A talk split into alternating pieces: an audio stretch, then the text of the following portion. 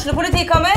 Ine Jansen er purk. Er du purk? The motherfucking bitch. Alt jeg vil, er å finne ut hva som skjedde med mannen min. Jon Carew. Er jeg sikta for noe? Iben Akeli. Det er du. Ole So, Lars Berrum og Big Daddy Karsten. Hvem sin side er du på, egentlig? Anette Hoff, Tone Danielsen, Kommer du fra Afrika?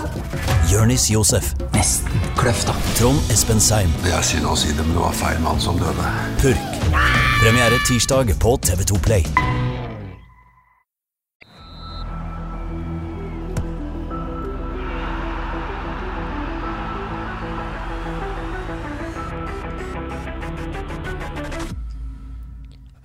Hei og velkommen til episode 73 av Frelst. Mitt navn er Terje Flateby. Velkommen til deg, Odd Kåre Grøtland. Tusen takk, Terje. Velkommen til deg, Johannes Dale Husebø. Tusen takk. Terje Flateby. Eh, I dag så må vi, som eh, menn i våre beste alder, snakke litt om følelser. Eh, men, men det skal handle om fotball, så slapp av. Det, det, ja, Puster dere letta ut nå? Ja, Vi kan ikke gå for djupt og Nei, men det er fotballfølelser. Det er Ja. fotballfølelser. Eh, jeg vet ikke hvordan det er med dere, men jeg, jeg hadde en litt sånn tung fotballhelg. Eh, mitt var komprimert, eh, ganske sånn intens på søndag. Først uh, røyk uh, sønnen min ut av Regercup på straffespark. Kvartfinale avsluttspillet. Uh. Straffespark der. Mm, ufortjent. Burde vunnet i ordinær tid, selvfølgelig. Så er det jo en varsla katastrofe på Emirates, Tottenham. Jeg ser jo den kom, men ikke sånn. Så jeg jobba jo på stadion vel vitende om at jeg trenger ikke være hjemme og se på dette. Men altså at det skulle stå 3-0 før kampen på stadion var blåst i gang, nei, det var tungt. Det var tungt. Så er det jo sånn at med meg da, så påvirker jo ikke FK følelseslivet mitt sånn, sånn egentlig. Det gjør jo ikke det. Men, eh, men det var litt tungt når den kom oppå der. Og eh, det er jo sånn at jeg er jo ikke supporter og som sagt ikke påvirka av følelsene, og sånt, men det er jo gøyere å Kåre på jobb også uh, når det går bra, da. Og når det er liksom spenning, og vi har en sesong å se fram til, medaljekamp, og mer å skrive om. Og det, og det er jo gøyere å skrive en skrytebørs enn en sånn sur børs. Mye, mye kjekkere. Ja, og det, Dette handler jo egentlig ikke om følelser, men det handler om jobben vår. Ja. Så eh, ja, det var litt tungt i helga. Eh, Johannes, du, var jo, du er jo supporter i tillegg, Ja. eh, og hadde også litt tungt på lørdag som United-supporter. Hva tenker du på? Ja, deilig fantasy-lørdag. Men ja, det er litt tungt. Det er lov å synes det er litt tungt, er det ikke det? Det er litt tungt. Hvis det er lov å nevne Premier League? Ja, det, det, det, ja jeg har jo nevnt det. Ja, du har det. Det er jo like bedre å bare ta opp elefanten i rommet, liksom. Ja. Nei, det var, altså, den lørdagen var jo tung fordi det å se United og grunnspillet deres for å være nær Ja, la oss ikke gå for det. Nei, jeg tenkte Jeg angrer litt i det jeg sa. Grunnspill. Jeg mente det var vondt at de tapte. Nei, det er greit. Du er, Jeg til, du er, til, du er tilgitt. Ja, ja, altså, jeg, jeg kunne hørt på United uh, nedturer lenge, jeg. Så, Ja vel? Sånn, sånn sett, så det, det gleder jo meg. Det får jo meg i bedre humør. Er du en sånn skadefrydsmann? Skadefryd er eneste sanne glede. Det er det. Så ja, jeg er en sånn mann. Men jeg synes jo Altså, det var United, det var FKH, og en skal jo ikke snakke om fantasy, men hvis en skulle snakket om fantasy, så var det to eh, Var det tung, tunge dager der òg. Ja, Fantasy er vel den eneste oppturen jeg hadde i helga, faktisk. Mitt Tottenham-frie lag. Uh, Odd Kåre, du er ikke noen fantasymann, men du er en fotballmann.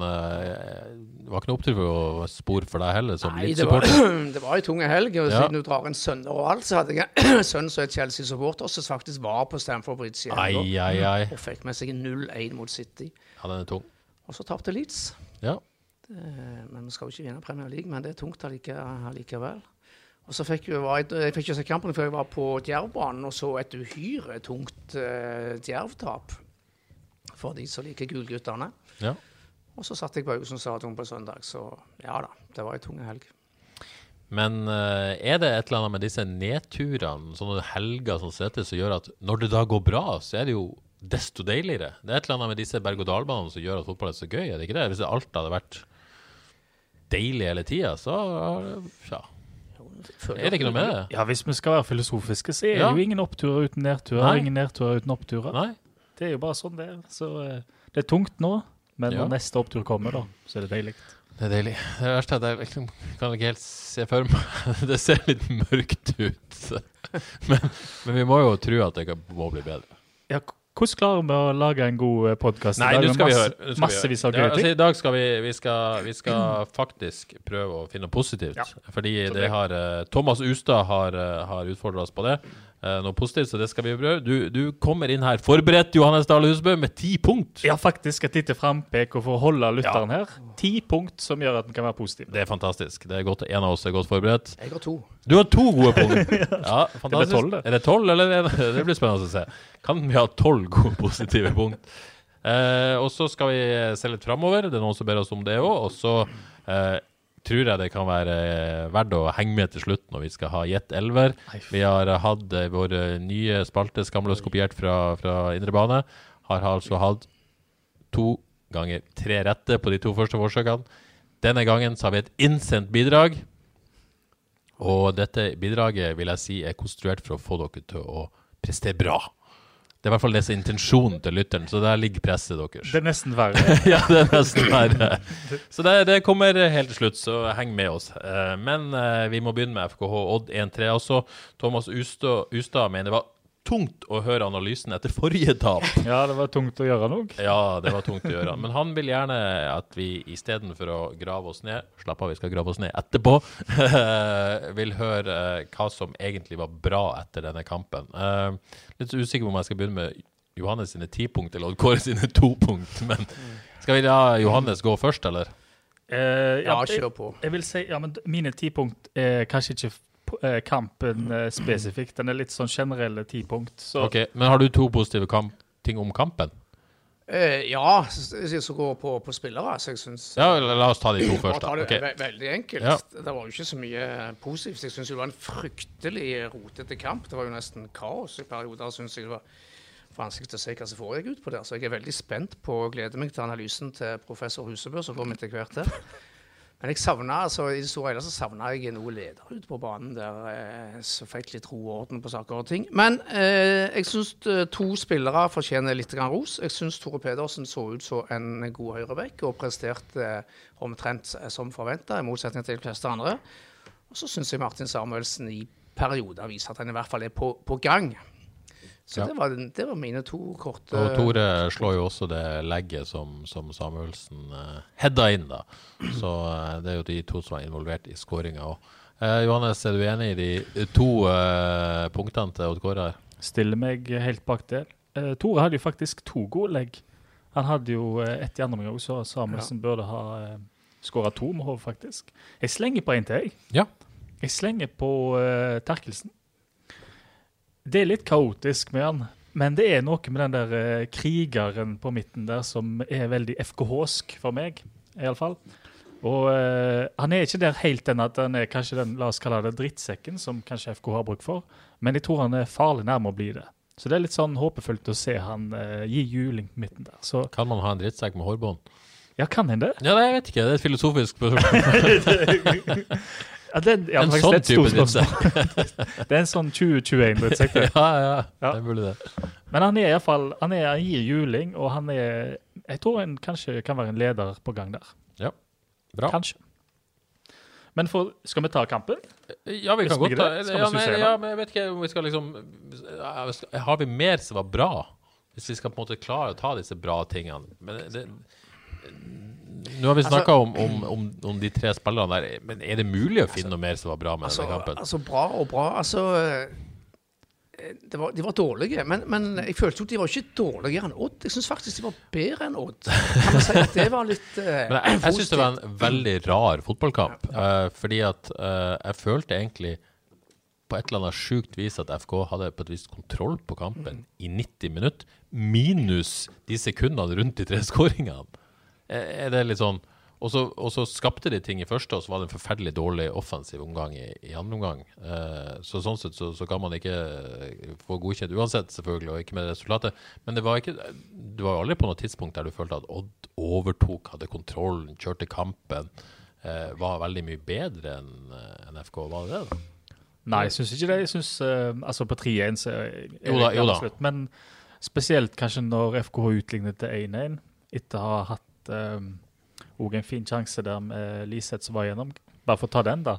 Den er jo litt interessant, hvis en skal ta Liseth, som er flink til å komme på de løpene, og komme seg gjennom i bakhånd med ball denne gangen. da, men du ser òg litt sånn ut, at han ikke er helt spiss, for han viser med hele kroppen hvor han skal sette den ballen. så det var jo, det var jo nære på å bli 1-1 allerede der. Men når det først ble 1-1, så var jo jeg følte meg helt sikker på dette her. Nå kjører FKH eh, kampen. Ja, for det var en periode der de var virkelig gode faktisk første gang. Det tror jeg er lett å glemme. Det var en, eller virkelig gode, de var ganske gode. Uh, kombinasjonsspillet begynte å sitte. altså Liseth, Samuelsen, Velde.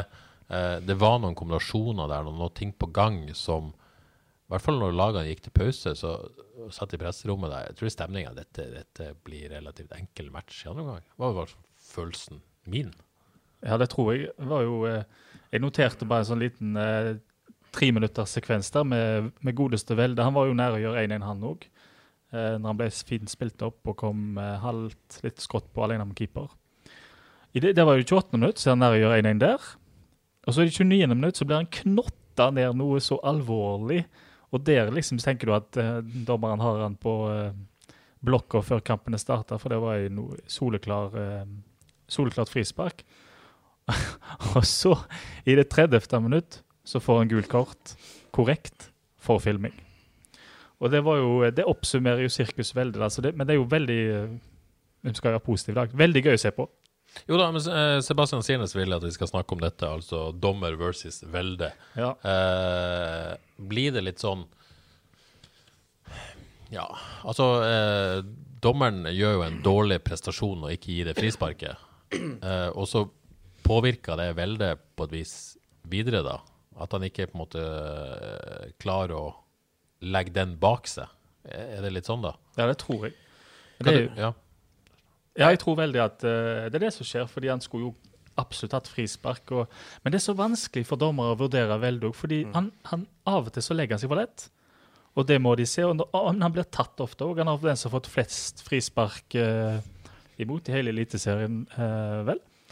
Og det er jo ikke Det er jo fordi han blir tatt. Han blir tatt. Det er jo ikke noe filming stort sett da. Det er jo fordi han blir tatt. Så da, dommer må følge godt med på han. Så de, eh, så Men, men gjør, han det, gjør han det vanskelig for seg sjøl når han helt soleklart blir tatt og ikke får frispark, og så ja, det er vanskelig å på en måte si at han i hvert fall ikke filma. Johannes mener et, et greit gult kort for filming. Eh, eh, når han gjør det etterpå, så, så gjør han jo akkurat det som gjør at han ikke får frispark den første gangen, på et vis. Ja, gjør han ikke det, da? Ja, kanskje litt dumt. Det er helt greit at dommere griper fatt i, fil filming, og at de har suspekt eh, navn på blokka. Men jeg syns han gikk for langt. Jeg syns det ble litt for dumt denne gang. Jeg, jeg føler dommeren skal rettferdiggjøre at han ikke dømmer frispark på den første der, så helt klar frispark.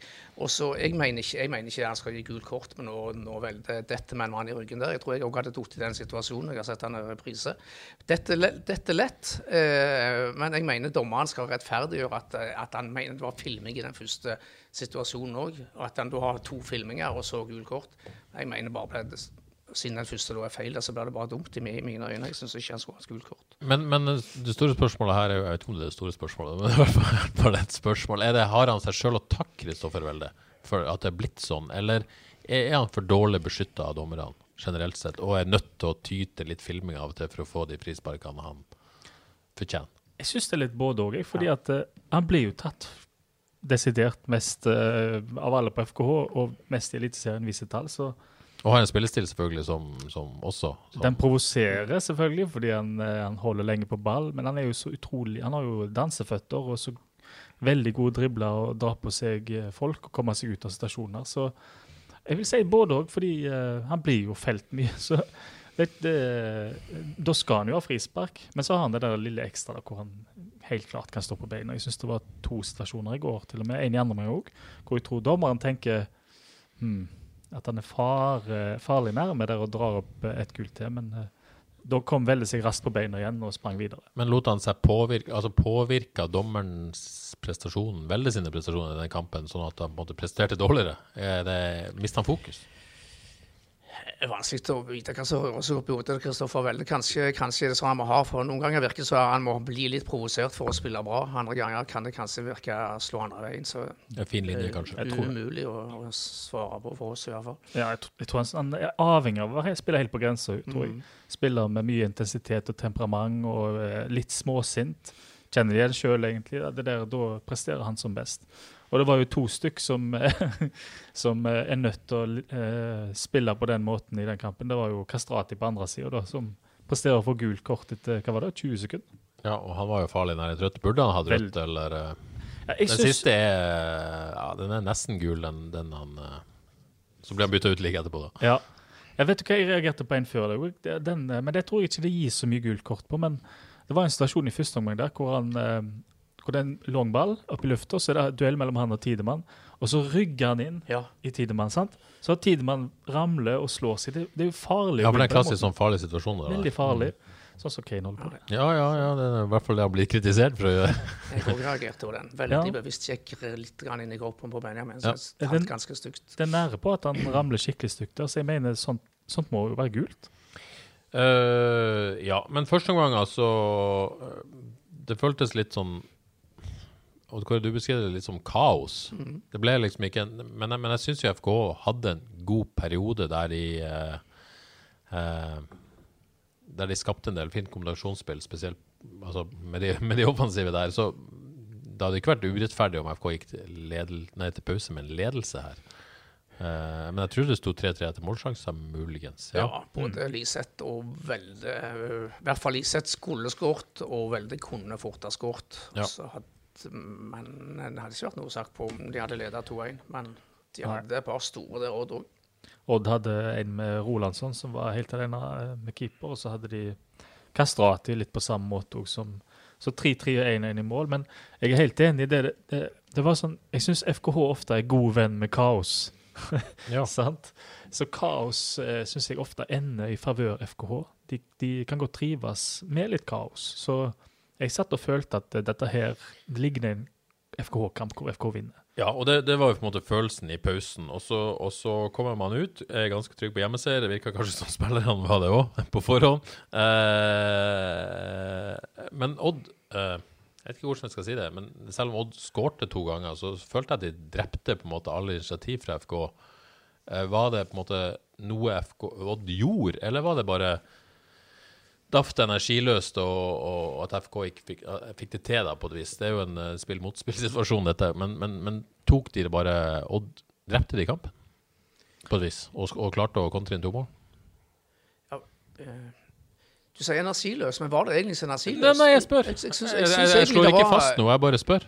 Jeg syns det var for så vidt bra, bra energi, men den, det, jeg følte ikke jeg klarte å bruke den på rett måte. Det ble som, som har brukt Ja, god energi i taklinga på Sandberg på Espen Ja. Ruud, i hvert fall. Oi, helsike. Det er årets takling, det. Ja, det er årets takling. Fy fader. Ja. Det er nok det av. Men, men, hva, men hva gjorde Odd, ja? Eh, de pirka i det og var, var tøffe og litt kyniske. Eh, Ja. Fikk satt de litt ut av, ut av spill. Jeg synes, Johannes, du som har sett han på nytt, hva, synes, hva skjer i eh, andre omgang? Nei, første ti minuttene syns jeg det er liksom eh, sånn, eh, Avslutningen i første omgang tenkte jeg dette her tar FKH. Men først ti minutter andre så er det eh, ja, det bølger litt fram og tilbake. Det blir ikke skapt noe særlig. Det er stadig litt kaotisk. Men ikke sånn der eh, FKH-kaotisk, syns jeg. Så litt usikker, da. Og så kommer selvfølgelig eh, 1-2 ca. etter eh, 55 minutter. Hvor han Kitolano får omtrent eh, en flyplassstrekning på venstre side der. Gir til en som skal skyte, Tidemann takler. Og så, så er det jo selvfølgelig Ruud da, som får sendt av gårde skudd, så, så innom to stykk før han havner i mål. Og det er liksom eh, sånn som eh, det er nå, så, ble, så ble jo det veldig symptomatisk for FKH. Da. Det er veldig sånn eh, motperiodeskåring, syns jeg. Og så skjedde det jo egentlig ikke så voldsomt mye mer. Um, uh, det ble ikke skapt noe voldsomt med sjanser. Så kom Etter 70 minutter så kom uh, 1-3, og da er det jo uh, En må vel kanskje kritisere sidebackene litt igjen, da. Først Stølås i ingenmannsland på, eh, på vår venstre side. Det ble slått inn, det er én mann ledig, og det er Tore Pedersen sin, og det er Svendsen som får stonga en eh, 1-3. Og da så det Jeg føler at kanskje Stølås eh, altså, Skal ikke alltid kritisere men, men jeg føler ikke han gjorde nok for å stoppe det innlegget. Han kanskje kunne ofra seg litt mer, men det er klart han sklir inn i, inn i 16-meteren der og skal sette inn en takling der, så er det alltid en fare for å Ja, det er en time før det også vandrer han egentlig fra ene spilleren til den andre. Ja, Du mener han var ute av posisjon? Ja, han var det. Han Ja. var litt i ingenmannsland der, så uh, han må iallfall ta deler av den. Så da tenner en jo Uff, sant, dette går ikke, og den slags. Så jeg følte vel aldri at det skulle gå da, men, uh, men så kom jo uh, Fikk jo en stor sjanse, da. Når Badou eh, fikk eh, vunnet ballen på høyre side og sprinta 50 meter, lagt inn. Og Søder som Fin ball. Ja, veldig fin ball. Mm. Nå var det vel Jeg så han en gang til i dag, da. Det var vel han eh, oddstopperen Bjørtuft som var på ballen og sendte han rett til keeper, men eh, det var liksom den sjansen som måtte gå inn for at det skulle skje noe, følte jeg. Ja, for da kunne det bli litt kaos igjen på slutten. Ja, det var det. Mm. To, to små detaljer med de to baklengsmålene i andre omgang. Eh, første burde Martin Samuelsen vært mer kynisk i den løpeduellen med Kitolano. Han sprang på sida av han i ti meter der. Det burde han tatt inn for laget. I etterkant er det veldig lett å si at det burde han ha gjort. En liten hoftefrikk der, eller en liten holdning. Skal ikke oppfordre til det, men eh, der burde han kanskje tatt en for laget. Og skåring nummer tre jeg, jeg tenkte med en gang offside, jeg. Eh, de spiller ballen til en oddspiller som nesten er på, er på, er på dørlinja borti hjørnet der. For meg virker det så linjedommeren står for nærme, så han klarer ikke å feile oversikt over, eh, over situasjonen. Jeg tenkte offside, men ingen andre som reagerte på det. Nei, nei når du sier det Jeg la faktisk ikke merke til det, men, eh, men ja, det kan faktisk godt være det. Jeg vet ikke. Og så kan vi vel ikke helt la Niklas Sandberg slippe unna det første målet. Definitivt ikke. Uh, skal det sies nå, jeg, Men du, jeg- jeg hadde jo en Ja. Jeg ser du har skrevet i manus at eh, Odd-målet kom ut av ingenting, men jeg må jo Ja. understreke at det var to kjempegode kontringer de skårte på overganger. De Ja var da. jo uh, vel- Men når jeg mener at de kom ut av ingenting, da mener jeg at de kom ikke som et resultat av langvarig godt det sant. i en kamp de hadde kontroll på og pressa i. Det var det jeg mente med den formuleringa i manus. Men Niklas Sandberg, da. Eh, på forhånd uh, snakka med meg om eh, eh, for lite trøkk på stadion. Eh, og mm, først, eh, er det greit at spillerne sier sånn? Ja, det syns jeg jeg er kult. Ja. Fordi det får i gang eh, Det provoserer sikkert eh, noe, men det virker iallfall på Twitter som mange var litt enige òg. Um, men det viktigste er jo at kanskje at det kan få i gang i fall en samtale mellom eh, publikum og spillere og, og press og all slags om hva som skal til, hva må skje og den slags. Så jeg syns det, det er gøy at, eh, at han sier ifra, for alle vil jo det samme her. Det er jo felles interesse. Noen mener den enkle løsninga er alkohol, men uh... Ja, jeg, jeg går for alkohol sjøl. men jeg er skada og bodd i eh, Danmark en stund Men det, det, det er et eller annet som skjer når du får i deg Er det lov å si dette? Ja. det, det, ja, det Ja. er lov å si det. Vi tar, gidder ikke ta den debatten du. Nei, jeg det det, syns jeg er en litt komplisert debatt, faktisk. i Ja. forhold til det. Men, Men det er noe eh, med- men ja da. Når jeg satt på stadion i Danmark og sitter der med, med god øl og ei pølse, så er det et eller annet Og nordmenn er nordmenn, og dansker er dansker, men alle har eh, Ja. En slapper litt av, og plutselig sitter en der og heier ut av det blå. Det, er ikke, det, noe, det skal ikke bli full. Men jeg syns det, det var kult at uh, Niklas og for så vidt Kristoffer Welde sa dette på forhånd. Eh, så syns jeg jo for så vidt stemninga på stadion Det var jo på en måte klaffa jo selvfølgelig med en slags gjenåpning og en, en følelse av det. Og selv om ikke det ble akkurat fullsatt på Øyksund stadion, så følte jeg det var noe annerledes med stemninga, i hvert fall, Ja. uh, i går enn tidligere. Ja, det syns jeg òg. Det var, noe, var litt Det var mer liv, folk var positive og med og i det hele tatt. Jeg syns det var bra. Så opp og frem sånn De har tatt, de tok oppfordringen. Men det er klart, eh, fra det å si at man fortjener mer støtte til eh, å åpne kampen med det balltapet, det var jo litt synd eh, på et vis. Det var litt, den, var, den var litt tung, den òg. Det var skrevet i, i stjernene. Ja, ikke sant?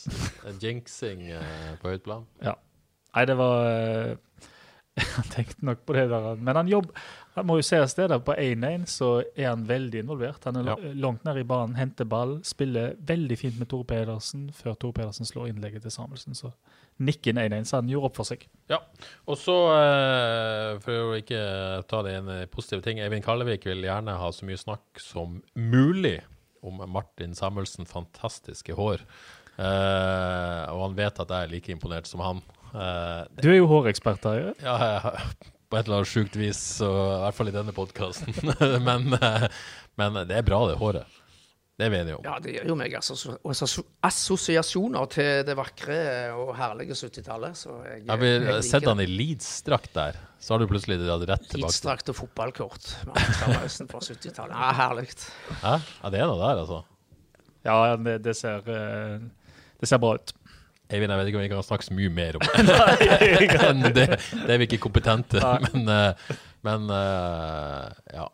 Vi gir tommel opp. Vi, gir tommel opp til håret, og vi gir tommel opp til at eh, Martin Samuelsen er på stigende kurs og form, vil jeg si. Ja. Ja. uh, ja, hva Jeg har noen spørsmål, og så kan jeg, kan jeg egentlig uh, ta de først, og så skal vi se om det er noe mer å si om selve kampen etterpå. Uh, Steinar på Twitter lurer på en ting, og for så vidt Vegard Helgesen på Instagram. Hva i all verden skal man gjøre med alle disse baklengsmålene? Eh, det var jo en periode det var umulig å skåre på FK. Nå virker det jo relativt enkelt. Hva, og, og man la jo om da fra 4-3 til 4-2-3-1. Sannsynligvis også som et mål om å få mer soliditet. Ehm, ja. Er det, er det tilfeldig, eller er det hva, hva, hva, er det med disse baklengsmålene? Jeg har iallfall kikka på én ting, for jeg så spørsmålet. Jeg tok og kikka på kampene til FKH i år. Og da måtte jeg jo selvfølgelig kikke på eh, FKH med Desler og uten Desler. Ja, Og så gjorde, jeg, klassiker. så gjorde jeg regnestykket. Og det er eh, innslupne mål per kamp eh, med Desler 0,77. Ja.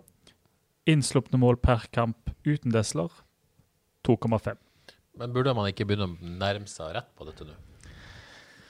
Jo, det skulle en tro, men uh, A Jeg tror eh, Jeg tror ikke en kan eh, Jeg tror ikke jeg klarer å, å nå hvor god Desla var. Jeg tror til og med jeg undervurderer hvor, hvor viktig han var. Og så er det noe med både en spiller ut, og du skifter han ene over på andre sida, og formasjonen flikkes bitte litt på, da. At det er liksom Det, det er ikke to, men tre som eh, jobber i midtbaneleddet. Jeg vet ikke om jeg klarer med å løfte opp den steinen igjen og snakke om 4-2-3-1, 4-3-3. Jeg, vet- jeg, jeg, Ja. syns ikke det, men eh, Nei, Nei, det men, men har du sett noen tendenser der, bare for å si litt om det? Altså i forhold til innslupne mål? Nei, for de slapp jo inn eh, flest mål, kan jeg nesten si, med, med 4-3-3. og Det var vel eh, både borte mot Molde og, eh, og Odd, så var det vel 4-3-3. Eh, og da ble det jo fire-fem mål sluppet inn. Så jeg, ikke, jeg er ikke så sikker på at det er noe der, men det er noe med Men, men nå- nå snakker vi om årsakene. Uh, Ja. Steinar spør jo for så vidt hva man skal gjøre med det. Ja. Eh, så da må vi jo masse fram hva skal man gjøre med det. da? Men, men, men, men skal det være så lett å slippe inn mål på overganger som vi så i går? Og hva skal de eventuelt gjøre med det? Ja, Altså, ja, det- det når, når, når Niklas mista den ballen, er man på en måte Har man Det var nesten som å se Tottenham i går. Ja, Har man committa for mange folk framover? Altså, er man i ubalanse i det, det balltapet skjer? Er man Balltapet i, seg sjøl, men, men man skal jo på en måte ha en slags uh, forsikring for at man kan takle et balltap òg. Altså takle, altså hindre mål. Er, det, er, det, er man i ubalanse der? Jeg føler at uh, i flyt så hadde det ikke blitt sluppet inn tre mål i går, kanskje ett.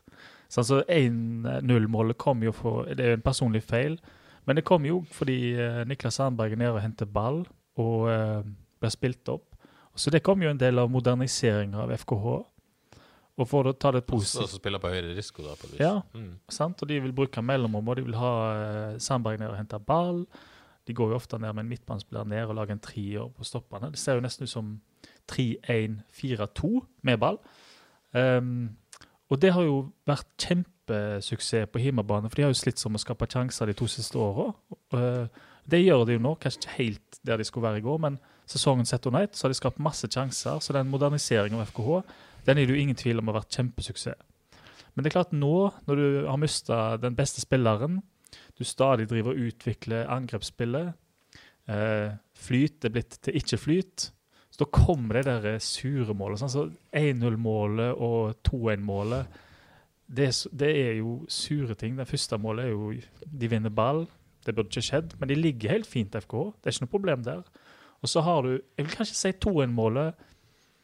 Hvis det hadde vært en trier på midten der, da, hadde ikke han høyre indreløperen vært uh, og takla Kitolano som kom sprintende fram der? Det kan en kanskje si. Men, men vi skal jo på en måte snakke om dette litt senere, sånn, se framover. Men bare for å ta dette nå. Bør man fortsette å bare stå i dette, ta den risikoen man tar nå, fortsette å spille ball og på en måte ta de baklengsmålene og utvikle spillet, eller bør man på en måte eh, sette opp på en måte som man minimerer risikoen, for å på en måte få tilbake en trygghet, holde nullen igjen, og så bygge derfra igjen? Skal man ta et steg tilbake, eller skal man bare kjøre på? Jeg syns de bør stå i deg. Fordi jeg syns uh, spillerne altså, Både Stølås var OK, Tor Pedersen var bra. Så det var ikke noe sånn der at Det var eh, ingen, altså, det var ikke noen Nei, det var ikke det. Og jeg syns jo uh, Hvis en ser på systemet, formasjonen, så er det ikke Målet kommer ikke pga. det helt. Det kommer pga. personlige feil det første, og pga. et skudd som flakk inn og to-tre stykk før han går i mål uh, på det andre. Så det var liksom ikke Jeg syns de bør stå i det, for de har vunnet så mye på å jobbe på den måten. Så svaret hva skal man gjøre? Det vil si ingenting. Jeg syns de må stå i det. Ja, Jeg jeg, er- jeg er enig. De, de baklengsmålene i går de, de kommer ikke av systemfeil. De er personlige feil først og fremst. og De skal være lette å plukke vekk. Stå på, kjøre på videre. Ja. Og rydde vekk de personlige feilene. Det er egentlig det man må gjøre. Men, men jeg har eh, dette er muligens en brannfakkel, og jeg eh, skal ikke slå fast noe her, men jeg bare skal stille spørsmålet. Var Egil Selvik bedre tidligere i sesongen enn han har vært i det siste? Han, jeg, kan, jeg kan ikke laste han for noen av skåringene i går, men tar han mindre av de tingene han kanskje kan ha tatt? Eller, eller altså, Han har en veldig god redning òg i går, som hindra Jeg husker ikke hva det var. Men, men ja. Skjønner dere spørsmålet? Absolutt. Det var akkurat som eh, Jeg, vet, jeg aner ikke om jeg har rett eller ikke, for jeg kan ikke noe om Jeg det. Jeg syns keepere er vanskelig over det. Ja, det er det. Jeg mener, han var jo, når de hadde den rekka med hvor de nesten ikke slapp inn mål, og den slags, så var han jo meget bra. Og det er akkurat sånn, Når det blir få mål som blir sluppet inn, så er det så keeperen plutselig får en slags aura over seg. At her er det stengt. ja, ja. Det er lenge siden jeg tenkte shit, Selvik var god i dag. Ja, sant. Men nå, fordi de slipper inn så mye mål for tida, da da det keeper mist litt av den der auraen. Det høres veldig eh, Mystisk ut. Ja, det høres veldig sånn astrologi ut, men, men uh, sånn føles det. Og i tillegg vil jeg jo si at jeg syns jo han hadde han hadde noen dårlige pasninger. noen dårlige, Den ti av ti-foten. Han satt ikke helt i Det går, satt ikke helt i går. syns jeg. Nei. Trenger å få Selvik opp et eh, lite hakk. Er det lov å si? Eh, Ja, Uten at han er problemet. Nei, han er, er ikke viktig. problemet. Og han kunne ikke tatt Jeg så Jeg klarer ikke å si at han kunne tatt noen av de skåringene. Nei, det, det altså. påstår jo ikke jeg heller. Jeg bare slenger det ut her. Ja, nei, nei, jeg er helt enig i det. Han kunne ikke tatt Ja. Yes. Uh, Martin Vangen på Twitter lurer på en ting. Uh, han slår jo fast at Fredriksen da foretrekkes pga. pasningsfoten sin av evnen til å behandle ball. Det vil si, det, ja, han gjør neppe det nå, men han gjorde det mot Pallesen tidligere i sesongen. Uh, men han spør da blir det for mye. Holder han ballen for lenge og passer til pressa backer eh, og pressa midtbanespillere, som, som gjør at de kommer i vanskelige situasjoner? Han mener dette ble spesielt tydelig mot Sarpsborg. Er det Eh, drar han det for langt og skaper trøbbel for andre? Det er vel egentlig spørsmålet. Nei, jeg syns jo um, Det at han venter med ball, det syns jeg er helt fint. Det tror jeg kanskje, hvis jeg skal være litt uh, tøff i trynet Kanskje noe eh, vi må bli vant til, vi som eh, publikum. At eh, jeg tror moderne fotball er litt sånn at du må ikke ha det høye tempoet hele tida. Du kan faktisk vente på å se løs de rette løsningene. Så de ønsker jo å hvile med ball av og til. på et vis. også. ja, sant. Og så, kom, så- vil løsningen presentere seg sjøl. Og hvis ikke han får press på seg, så må han ikke nødvendigvis gjøre noe. Så Det er det ene med det. Men så er jeg jo enig i det, da, at når det først kommer press, eller at løsningen ikke presenterer seg, så får han eh, Han blir litt heite, syns jeg. Og da blir det gjerne en litt stressa ball som ikke er god nok til medspiller, og så skapes det problemer på den måten. Så, jeg syns utgangspunktet er greit. Men det koker litt for han med ball. Men spørsmålet her er jo blir det for mye. Hvis, hvis Ulrik Fredriksen Dette er noe FK ønsker, og FK skal bli bedre på dette. og Ulrik Fredriksen er en mann det satses på. Han skal bli bedre. Må han ikke bare stå i det, han òg? Jo, jeg syns eh, Da kan det ikke bli for mye. Altså, det er jo alltid en grense, for noen ganger må du ta noen kyniske valg. Men må det ikke bare stå Jo, i synes må stå i det. Bare, bare preg av at det var litt, eh, si, litt kaos både på banen og i hoven i går. og Det ble litt sånn i grenselandet et par ganger. Men jeg syns dette må de bare øve på og kjøre på. Men jeg syns paradokset er Jeg syns han var bedre med ball i går, faktisk, enn han har vært de siste kampene. Jeg syns si, offensivt så var det et, et steg framover for Ulrik Fredriksen i går. Ja, Syns tok, jeg. Men tok han litt mindre risiko? Eller? Jeg, jeg vet ikke, men jeg syns han, eh, jeg synes han, han løste ball, det bra med ballen i beina i går. Ja, Syns jeg, da. Ja, Jeg, jeg Ja, tror det var ingen, ingen eh, feil. Nei, jeg tror ikke det. Jeg tror ikke det. Noen litt, litt sånn gufne pasninger. Men han, han vågte ikke å slå han opp til f.eks. Sandberg eller gjøre noe voldsomt risikabelt, tror jeg. Og så kom Terkelsen ofte ned og Ja. fikk ball på den måten, så ja. Men jeg vil jo si det, da. At de har jo kjøpt en danske for 1,7 millioner som skal være kjempegod ball. Ja. Sant? Det kommer vi, kommer vi tilbake til. Um, Tause Birgitte på Twitter. Reidun Norskog, det er deg. Uh, spør om FK mangler ledere da i en sånn kamp som i går. Et eh, asshole på midten der, så hun kaller det. Eh, Nå er vel type Sivert Heltene Nilsen-type vi snakka om, som, som har gjort uh, underverker for Brann, får vi si, etter at han kom, tilbake, kom hjem igjen. Eh, han mener jo også da kanskje at Krygård og, og Terkelsen er litt for ofte er litt for snill. Um, Johannes, du var inne på, på Terkel. Ja. Er han er- Heltene Nilsen in the making? Ja, det er akkurat det. Jeg syns det er et fair poeng, Ja. eh, egentlig. Men jeg, s- jeg, eh, jeg, jeg syns de må si til Terkel bare gå for det. Bare bli det. Du, bare, han er så nærme nå. Han er så Du ser han er vanskelig å møte. For Han er så høy, og han er kjapt oppi, og han klinker til. Så jeg må bare kjøre på han, så blir han den der eh, Bare en bedre heltenelisten, tenker. Men eh, bedre med, med ball. Og uh, har Krygård litt å gå på her òg? Kan han eh, på en måte Jeg tror ikke han blir den typen. Nei. Men uh, jeg syns Krygård eh, Han var ikke så bra i går, men jeg, det er noen ting med Krygård som jeg liker. Og det er de tingene når han ser muligheten til å komme seg raskt oppi, så har han noen fantastiske kvikke steg. Sånn at han er nære å vinne ball høyt i første omgang der. Og i andre omgang så jeg jo noe Nei, det var i første omgang så jeg jo noe fint. Det var at han fikk ballen opp, og så var det to som pressa han. Og så drog han de av med en helt fantastisk vending og spilte ballen raskt videre. Og det ble faktisk en uh, halvmulighet av det når Støles kom fram og fikk slått inn på uh, slått innlegg der. Og det er jo, tenker jeg Jeg har sett Krüger gjøre det der før, de der uh, gode vendingene. Så hvis han nå resten av sesongen, for nå er det faktisk ikke så mye å spille om sannsynligvis, bare øver på å være ikke den, Han skal ikke være drittsekken. Han må være den som våger å vende av og ta sjanser og sette spill i gang. For da tror jeg faktisk du har en fin duo i de to der. Uh, og Kåre snart legger denne kampen eh, bak oss. Uh, ja.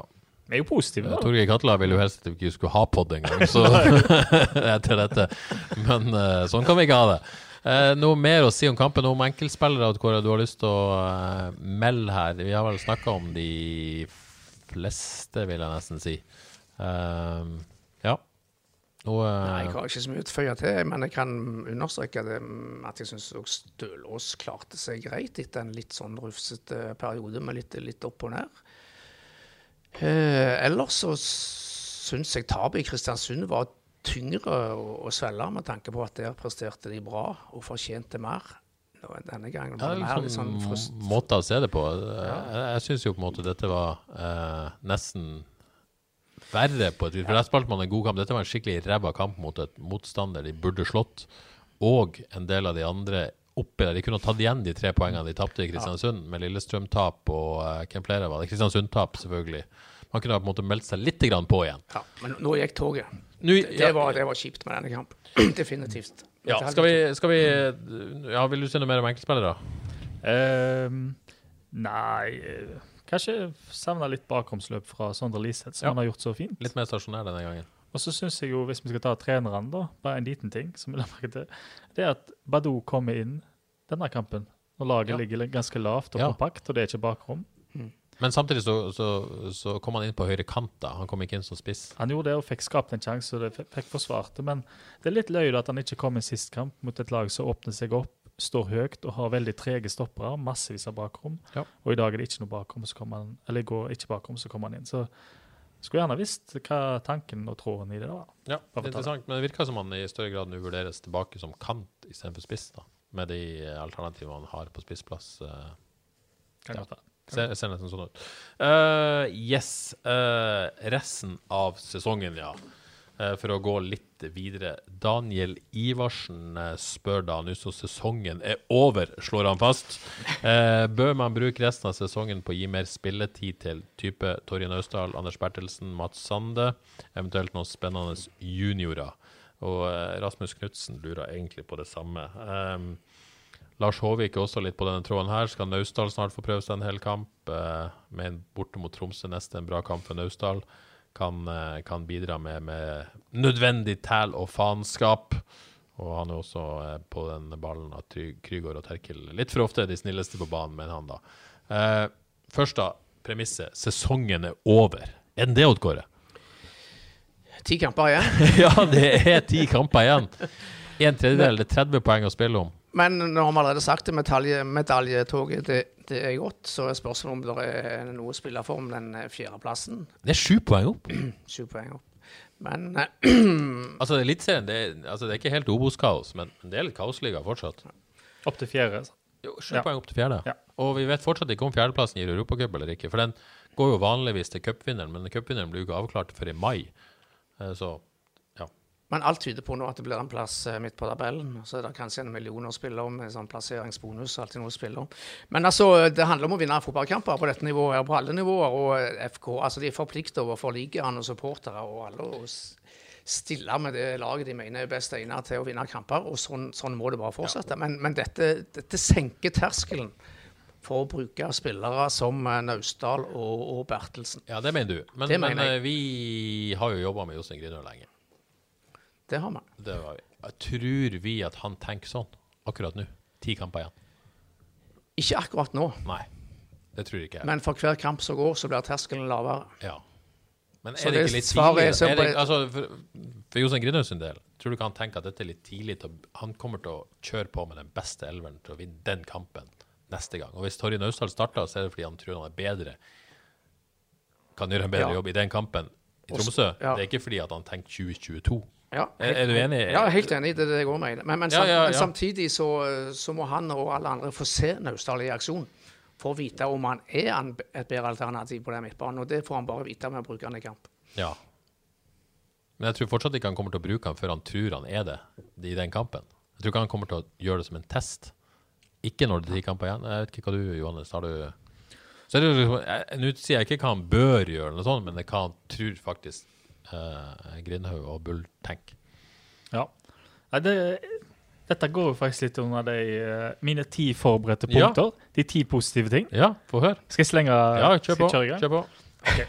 Så det som er, kan bli gøy da i høst, tenker jeg, det er nummer én Martin Samuelsen. Kan han få en ny deilig FKH-høst? Han, eh, han ser så bra ut nå at det tror jeg meg. En 2019-høst. Ja, det tror jeg meg. Ja. Nummer to. Synd han ikke kan skyte FK til cupfinalen. ja, det Fader. Ja, Må dra den dem ned litt. Nummer to. Tore Pedersen. Får noen innlegg til Samuelsen. Fint spill med Sand, eh, Sandberg. Det er relasjoner på gang. Det er ting å følge med på der òg. Nummer tre. Kristoffer Welde. Han er assistkonge per nå. Ni assister, med inkludert eh, indirekte. Én foran Aasen og eh, Wolf Eikrem. Denne her driblefanten han gir jammen fra seg ball. Nummer fire. Terkelsen. Han er, begynner å bli vond å møte. Han kan bli enda vondere å møte. Han kan bli asshole. Han kan bli Heltene Nilsen. Han kan bli en eh, leder på midten der. Heltene Nilsen med hårbånd. Rett og slett. 2021 eh, Nilsen. Nummer fem. Hvis Krüger holder på sånn som han eh, gjør av og til, med å ta de store sjansene, venner av og den slags, så kan han bli den midtbanespilleren eh, som alle håper han kan bli, men som han er litt for redde redd for å eh, bli foreløpig. Men med tanke på at det er lov å ta sjanser nå resten av sesongen, tenker jeg, fordi det ja, i utgangspunktet skal det mye til for å havne på en sånn kritisk god plass. Så han må ta sjanser, bare utvikle seg eh, resten av sesongen, tenker jeg. Nummer seks, Sondre Liseth. Kan han gjøre flere bakromsløp? Er det vår nye kaptein? Nummer sju. Jeg tenker at uh, Jeg vet at sannsynligvis så vil kanskje ikke Jostein Grüner bruke sånne som uh, Anders Bertelsen og Torje Naustdal. Men han må jo de har jo brukt uh, penger, det er jo stortalenter. i hvert fall, eh, Jeg kan ikke kun snakke for Torje Naustdal, men en fikk jo se den pasningsfoten så vidt. Hvor han bare langs gresset bare pang, sier det så suser han ut på sidene. Jeg har lyst til å se mer av den iallfall. Og så, nummer åtte, de neste kampene. Det er Tromsø borte, Mjøndalen hjemme, Vålerenga borte, Rosenborg hjemme. Jeg er ganske sikker på at jeg får, kommer til å ta eh, mye poeng der. Og da vet en aldri. Da er en plutselig eh, plutselig oppi der eh, igjen. Og så noe som faktisk fortjener skryt. Det er jo eh, kanskje fysioterapeutene som må nevnes. Denne skadeforebygginga. En så tynn tropp, Det har vært helt eh, fantastisk. så er det ingen skader. Så det er toppklasse derfra. Og Bojang skal denne kampen skal sies. Ja. Og siste punkt, nummer ti, vært så vidt innom det. Det syns jeg er det offensive spillet, spesielt på hjemmebane. Hvordan det er blitt utvikla med og Jeg tror Bull Torne har mye å si her, med mellomspill. Med at de tar mer risiko, med at eh, de spillerne går ut av sine posisjoner og gjør det mer uforutsigbart for motstanderne. Um, så det er ti punkt som Ja. kan følge med på. Vi bør, vi bør jo ha elleve, og jeg har nummer elleve. Johannes Husebø, som sprer, sprer så mye glede og optimisme. Tusen takk. Ja, ja, ja, ja, ja. Oi, oi, oi. Ja, den er fin. Dette var altså ti punkter til grunn til å være optimistisk for høstsesongen. Ja, det mener jeg. Ja, så bra. Det er deilig. Eh, enig i det meste. Ja. Så tror jeg ikke alle ti slår til. Men, eh, men det er iallfall ti ting å følge veldig godt med på. Eh, men så liksom, for å konkretisere spørsmålet til, til Daniel, da. Eh, Odd Kåre sier at terskelen for hver kamp nå som går inn mot slutten, vil være, bli lavere og lavere for å på en måte ja, eksperimentere litt og tenke litt 2022. Er du enig i at han, du, du tror ikke det skjer nå, men at terskelen Er du enig med Kåre, da? Ja, jeg, eller jeg tenker sånn at uh, de neste fire kampene, da, de eh, tror jeg de tenker at her kan vi kanskje ta så mye poeng at vi kan snike oss opp. Hvis det ikke skjer, så er jeg enig med Kåre. Det må jo nesten skje. og Da må de prøve de, de unge nye. Og det er det mange kamper å se de på. Men jeg, hvis vi skal konkretisere det, Naustdal, ja. Eh, da må jo han få en av enten Terkel eller Krygård sin posisjon. Eh, ja, eller en kjører 4-3-3, da. Ja, men tror vi det? Altså, Har man ikke satt den ennå? Det er ikke godt å si, og jeg tenker jo Men du ser en 4-3-3 med, med Naustdal sentralt, og så, Terkel og Krüger på hver sin indreløper, da, som en Mm. mulighet. Eh, og da tenker jeg jo her er det mulig en posisjonsbytter. Eh, hvis en våger, da, så kan en gjøre mye der. Men jeg tenker det å ha to formasjoner i, eh, i beltet, det er kanskje ikke så gale. Så det er å kunne øve litt på en 4-3-3 òg når det trengs. For det, jeg tror det Ja, har de ikke den ganske i blodet, da, på et vis? eller? Jo, men har de spillerne som kan gå rett inn i han, vet jeg ikke helt. Liseth er jo fin indreløper, han, men både du får, se, får Naustdal litt i gang, og du får liksom øvd bitte litt på Eller holde i sjakk da, den 4-3-3-en. Ja. Så har du stoppesituasjonen. Eh, snakket med Benjamin, eller hadde en sak på Benjamin Tidemann eh, denne uka. Fortsatt helt usikker om han blir eller drar. Jeg har for så vidt ikke noe insight på det, men feelingen er vel at hvis han får en mulighet til å gjøre som noe lignende som Mikkel Desler har gjort, så tror jeg det er bye bye Tidemann. Dessverre. Eh, han sier i hvert fall, og det jeg hører ikke noe annet ut fra klubben, at denne, denne greia blir ikke avklart før etter sesongen. Eller kanskje før første siste hjemmekamp mot Molde. Eh, når bør man begynne å teste Anders Bertelsen? Bør man gjøre det? Trenger, er det en fordel for Anders Bertelsen å få noen kamper i Eliteserien i 2021, og ikke måtte vente til 2022 og debutere? Eh, og hvis han skal spille, da, hvem skal han spille for? Skal han få sammen med Tidemann og den tryggheten der, eller må du teste stoppeparet Bertelsen-Fredriksen? Vanskelig spørsmål. Terje Flaten. Ja, det er min oppgave. Ja. Dere er ekspertene, jeg stiller spørsmål. Jeg tenker, Hvis han skal inn, så er det én av to ting skal skje. Jeg tenker De neste fire kampene Skjer det ikke. Nei, da, da, men da avgjør en sesong, og det er likevel mange kamper etter det. Hvis en er ute av det etter disse kampene, så tenker jeg at da må Bertelsen Da ville jeg krevd en avklaring fra Tidemann, så godt som. Og så ville jeg kjørt Bertelsen rett inn. Alternativt, altså for Tidemann, alternativt så har en fått studert Stølås i noen kamper til, og en eh, faller på en konklusjon der. Og da går det an å se han eh, sammen med Tidemann, altså Bertelsen sammen med Tidemann, og se Fredriksen på høyre bekk og Tore Pedersen på venstre bekk. Jeg håper ikke det skjer, for nå, nå har han har både lyst til å være positiv rundt Stølås, og han så OK ut. I tillegg så vil du da bruke to spillere ut av posisjon på et vis, da. Ja, en Og så tukler han litt med det som Ja. er ved høyre side som er på gang, så jeg håper jo ikke det skjer. da. Nei, nei. Det er definitivt en mulighet. Så har du andre alternativer. Det er jo Badou. Uh, for mer spilletid han har fått nå. Nå virker det som han trua Sandberg mest. Mm. Uh, så blir det spennende å se om han kommer til å utfordre Sandberg på spilletid uh, etter hvert. Jeg jeg tror ikke det skjer. Nei, det jeg tror egentlig ikke det, for Sandberg er såpass viktig. Ja. det er noe på gang, tror jeg, mellom, eh, altså, mellom Tore Pedersen og Sandberg. Det er noe på gang. Og det er noe på gang med Samuelsen inkludert òg der. Jeg- og det tror jeg ikke en får til med Badou. Odd Kåre, så er det gåten Mats Sande. Vil du se mer av han, eller eh, har du sett nok? Jeg er en god fotballspiller, som jeg har sagt før, men det, det, det, det blir ikke det helt store ut av det. Ja. Så jeg jeg, er litt usikker på om vi får se så mye av han. Det er vel den tierrollen som han er måte, nærmest på, på et vis. Ja, det er litt Jeg vet ikke om de har føler de har et, eh, både et poeng de skal bevise, og, eh, og han blir belønna for å være god på trening. Men jeg føler at eh, hvis det er en som ikke klarer å, å sette den ballen i mål, eller å, å være avgjørende, da, så er det han. Jeg ikke, han, ikke, han tror ikke på det, at han kan være avgjørende. Og jeg er ikke helt sikker på om han er på rett nivå, altså. Eh, Så spør jo Rasmus også om det er noen juniorer som, som kan få litt på nivået. Jeg tror vel egentlig ikke vi får se noen fra start eh, ut til sesongen, egentlig. Men det er vel kanskje Vegard Solheim som uh, trener hyppigst med, med A-laget. Men uh, det skal vel mye til for at han får starte en eliteseriekamp i år. Eh, kanskje får han sin debut på slutten av sesongen eller sånt. Eller debut har han vært innpå? Litt Ja, usikker. Han har vært innpå, ikke sant? Ja. Mm. Men eh, få noen minutter. Det kan jo være mulig at noen får noen minutter på tampen der.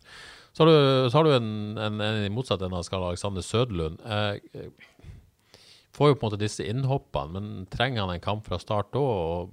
Er ikke det veldig vanskelig òg, med tanke på at Samuelsen trenger å, å spille seg enda bedre? Jo, jeg tror sødommen og Yasim vil være eh, supersub. i- Supersub. Og holdt på å være men, supersub men, i går. men det forundrer meg litt at de ikke bruker den på en litt annen måte når de først, når de først uh, bytter den inn. Altså, De må jo lempe litt mot den store, sterke sødommen, men jeg føler ikke han har fått uh, muligheten til å, til å vise seg fram på den måten foreløpig. Nei. Nei, en liten blanding til og med. Så ser det han blir ikke brukt, han blir ikke brukt nok. Vi sa så jo på Brann i den bortkampen når han måtte wrestla der med Ja, det var- det så ja, Og så kom Badou igjennom og igjennom og skåra. Ja. Men etter det Jeg syns han har sett litt daff ut òg. Altså. At han ikke er helt der han skal være. eh. Jeg hadde sett for meg at han skulle ta enda mer plass når han kom inn, og kreve ball. Og eh, du merka bare at han var der. Så jeg vil gjerne ha enda mer eh, presence fra Søder. Jeg har litt sånn eh, Til tross for rutinen og erfaringa og alder og alt det der, så, så trenger vel han også selvtillit som spiss. Og det er vel noe med det å få det målet. Absolutt. Ja. Uh, yes, en tredjedel av sesongen igjen. Jeg tror uh, Grindhaug ønsker å være konkurransedyktig enda noen kamper. Uh, det er penger på spill òg, så ja, vi får se. Uh, Tromsø borte på søndag. Eh, Tromsø som Odd Kåre er ikke et godt hjemmelag. Nei, Nei. de har tatt eh, 19 poeng i år. Ja, Og av de 19 poengene har de tatt fire hjemme. ja det er 15 borte er det jo helt eh, Og de har ikke vunnet hjemme, er det det? Nei, fire er uavgjort. Ja, ikke sant? Men, men jeg syns de har sett litt, eh, om ikke veldig gode, så litt småskumle ut. Råsterk seier mot Lillestrøm uh, i helga, åpenbart. Um, men uh, nå er vi snakket om noen buffersjanser og sånn. Jeg tror ikke på noen endringer på laget denne gangen heller. Nei. Nei, det tror ikke jeg heller. Så da trenger vi ikke snakke om det. Lytterspørsmål har vi tatt litt etter hvert. Takka for alle det. Vi har ett til. Nord eh, sin Instagram-konto. Vi vil gjerne at vi skal snakke om Nord. har du noe å si om Nord? Du hadde en fin sak om Nord i forrige uke. Ja, jeg har sett Nord for opptil flere ganger, annet de to siste seriekampene. Det er en fornøyelse å se dem. Veldig, veldig godt eh, femtedivisjonslag. Eh, som også Avaldsnes er. Begge to holder, holder fjerdedivisjonsnivå, så det blir en veldig spennende thriller der mellom opprykkstriller mellom Nord og Avaldsnes eh, utover høsten. Ja. Og du hadde en fin sak i forrige uke om Simon Balm, som har gjort underverker for, eh, for Nord. Ja, rett og slett imponerende hva, hva de har fått til etter Simon Balm kom, kom tilbake der. Han skal selvfølgelig ha sin del av æren, men ikke alt. Hvor er det nå for deg. Gromkar har spilt med Simon Ja. Balm, og han var forferdelig god og rask da han var ung, og det er kanontype. Og det er vel eh, Jeg har jo sett han i aksjon for Vard som ung, talentfull spiller. Er, er vi enige om at det er skader som gjorde at han ikke Ja, eh, han ja. prøvde seg jo i Vard i fjor òg og ble skada igjen. Ja, ja. Så han har litt, litt skjøre bein, dessverre. Ellers så hadde han, Han spilt definitivt eh, veldig god. minst i andre divisjon. Men veldig bra at uh, gjør meget god nytte for seg i, i nord. Uh, litt promo før vi går på Jet Elver. Uh, Direktesport denne uka. Odd 2 Nei, Odd 2. Jo, Odd 2 Vard i dag. Hvis dere rekker å høre denne før den kampen begynner klokka fire, så blir det en spennende kamp der. Vard er tilbake i form, og uh, håper at de kan revansjere FKH mot andrelaget Odd. Og så uh, møter Vard Levanger borte på søndag i neste uke. De begge to på H-avis. Avaldsnes har spillefri denne helga, mens tredjevisjonen tredjedivisjonen så er det Ekspress, Åkra og Jam 1919 Madla på lørdag. Åkra eh, Det er ganske fantastisk. Første tapet på år. Tre år. Likevel ligger de fjerde sist.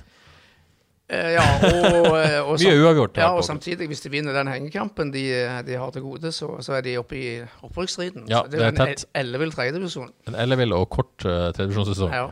rett og slett. Så alt kan skje. Følg med på H-avis eh, der, altså, på lørdag. Så er det Jet Elver. Denne gangen har vi fått et innspill, som jeg nevnte, uh, fra Håkon Brekk. Og jeg får jo så mye kritikk for disse navnene, så nå tror jeg jeg fikk det. Eh, han har altså, som jeg sa, eh, kommet med et innspill, og eh, han mener at dette skal være noe som dere Jeg må gå i nå. Ja, du må gå. Eh, jeg kan si såpass at han mener Han godtar maks to navn dere ikke husker. Og han har navngitt dem, men det kan jo selvfølgelig ikke jeg gjøre. Uh, resten bør være klink, mener han. Så no pressure. Uh, men han mener det til godt. Vi skal til 2010. Skal til 25. juli. Det er midt på sommeren. Det er Haugesund stadion. Eller Haugesund Sparebank Arena, som det står i NIFS. Det heter det ikke i 2010, såpass kan vi være enige om. Eh, Viking kommer på besøk. Det blir 4-0 til FKH. Jeg vil ha elleve navn, som starta denne kampen, og jeg sier kjør fra nå. Per Morten, Ja. Vegard Skjerve, Ja. Are Tronstad, Ja. Tor Arne Andreassen, eh, Ja. Jakob Sørensen, eh, Ja. Sørum Djordjic. Ja. Eh, Mæland. Nei. Jokke, Eh, Ja. Grindheim. Nei. Trygve Nygaard for tidlig. Eh, Eh, 2010 Marte Christensen. Nei. Um, Sørensen er for tidlig. Vel, Jakob Sørensen. Ja, det har jeg Ja, han har vi tatt. Han er tatt, ja. Unnskyld. Er Ti sekunder igjen. Magna midtstopper. Uh, det spilte Skjerve midt. Eh, Bangura. Tronstad og Horneland. Nei. Ness. Stopp. Ja, OK. Ja, jeg er fornøyd med det. Eh, Jeg, jeg registrerer at du sa Tronstad. Du mente sikkert Tronseth. Ja, ja, jeg- jeg jeg, sa ikke Are. det- Are. Ja. Ja. jeg mente Are Tronstad. Se, dere hadde Per Morten, dere hadde Skjerve, Tronseth, Våge Nilsen, Sørensen, Tori, Sørum og Djudic. Hvor mange var det? Åtte? Én, to, tre, fire, fem, seks, sju, åtte. Jeg tror det er stygge navn vi har glemt. Det er, det, det er jo selvfølgelig ny personlig rekord, med soleklar. Eh, dere var én bak eh, målsettinga til Brekko. Han mente dere eh, burde kunne godta og glemme Are Tronseth, men det klarte dere. Han mente også at dere kunne godta at dere glemte Jarle Steinsland, og det gjorde dere. Den er grei. Den er grei. Men- Eh, det betyr at dere glemte to stykker, som dere ikke burde glemt, ifølge Håkon Brekkå. Nygård. Den ene er, Nei, nei. syns jeg er litt strengt. Trygve Nygaard er den ene. Burde helt åpenbart Sa, sa ikke jeg Trygve Nygaard? Sa du Trygve Nygaard? Jeg sa Trygve Nygaard, men det var for tidlig, sa jeg vel. Ja, Ja, det, ja, Hvis du sa Trygve Nygaard, så skal dere få følge den. Da må jeg nesten høre opptaket igjen etterpå. Jeg er helt sikker på han sa eh, Trygve Nygaard. Den får henge litt i lufta. Ah, ok, jeg får sjekke den. Åtte slash ni. Eh, Sistemann, Chris Bosniak på høyrebacken. Ah, ja, okay, ja. Ok. Men dette var bra. Okay. Det var jo det. Ja, nå kommer det seg. Ja, Nå kommer det seg. Men, men det, det jeg lurer litt på, er, kan, vi, kan vi stryke? Altså, Er det sånn en nedre, nedre grense som blir man bytta ut? Altså, Når vi har to triere, er det akkurat på de grensene til, til å stå? Hva sier Hva mener du at du kan bli bytta ut? ja, så Er det sånn at vi, Tror du- tror jeg som ble at vi stryker at vi, vi, vi blir bytta ut? Nei, Hvis nei, dere må en... stå i dette, dere òg, akkurat som FKH. Her er det bare utvikling, utvikling. Eh, vil dere høre benken? Ja. I, Vil du prøve det, I, i 2010? Ja, vil du prøve det? Martin Kristiansen, sa du? Ja, Ja, han der, ja. det hvor kom den fra? Ja, Eh, Lars Øvernes, Mm. Etnes Storesund. Høyrebacken fra Danmark, Allan Olesen. ja. Martin Kristiansen, ja. Den fåmeldte mannen fra Ørsal, Ørsal? Dag Roar Ørsal. Søder, han der, da. Nei da. Juska Savolainen. Sten Ove Eike. Og mannen som har en øvelse oppkalt etter seg på Haugebanen titt og ofte. John Pelou. John Pelou. Oi, oi, oi. Eh, ja, jeg skal ikke spørre dere om Vikingelveren, men uh, Nei, men det var, det var et godt innspill. Det var, det var, et, eh, det var en fin sesong, 2010. ja, Takk skal du ha, Håkon Ja, Så dette var for å få dere opp. Ja, så fikk han opp selvtilliten vår. Herlig. Det var veldig bra. God avslutning der, altså. Uh, igjen, jeg har fått et par innspill på Jet Elver, så jeg har noen å gå på neste gang. Eh, men det er bare å komme med innspill, rett og slett. Det tror jeg var det vi hadde i dag. Tusen takk for at du har hørt på. Tusen takk til Odd Kåre og Johannes. Eh, anbefale, Hvis du liker Frelst, så blir jeg veldig glad hvis det, Eller vi blir veldig glad hvis du anbefaler det til en venn. Tenk om alle anbefalte Frelst til en venn. Eh, da blir vi dobla lyttertallene. Da blir du veldig, veldig glad. Magisk. Eh, hvis du kan bevise at du har anbefalt eh, Frelst til en venn på et eller annet nivå, og har fått dem til å høre på, gi meg en melding, så skal dere få en kopp. Men Det, det, det, det er en tillitssak, rett og slett. Jeg vil gjerne ha navn på den dere har overbevist òg. Bare sånn for å være helt, jeg har ikke helt tillit til dere. Bare litt tillit. Men eh, det er kopper. Det er kopper som kan vinnes. Det var det vi hadde. Tilbake da neste mandag etter Hvor mange poeng i Tromsø? Tre. Tre. Etter tre poeng i Tromsø. Ikke seks, altså, men tre totalt sett. Det, da er det på tide å gi oss. Skal vi håpe på noe sånn bedre Premier League-snakk òg neste gang? Au, deilig. Det kan ikke bli verre, i hvert fall. Og med det sier vi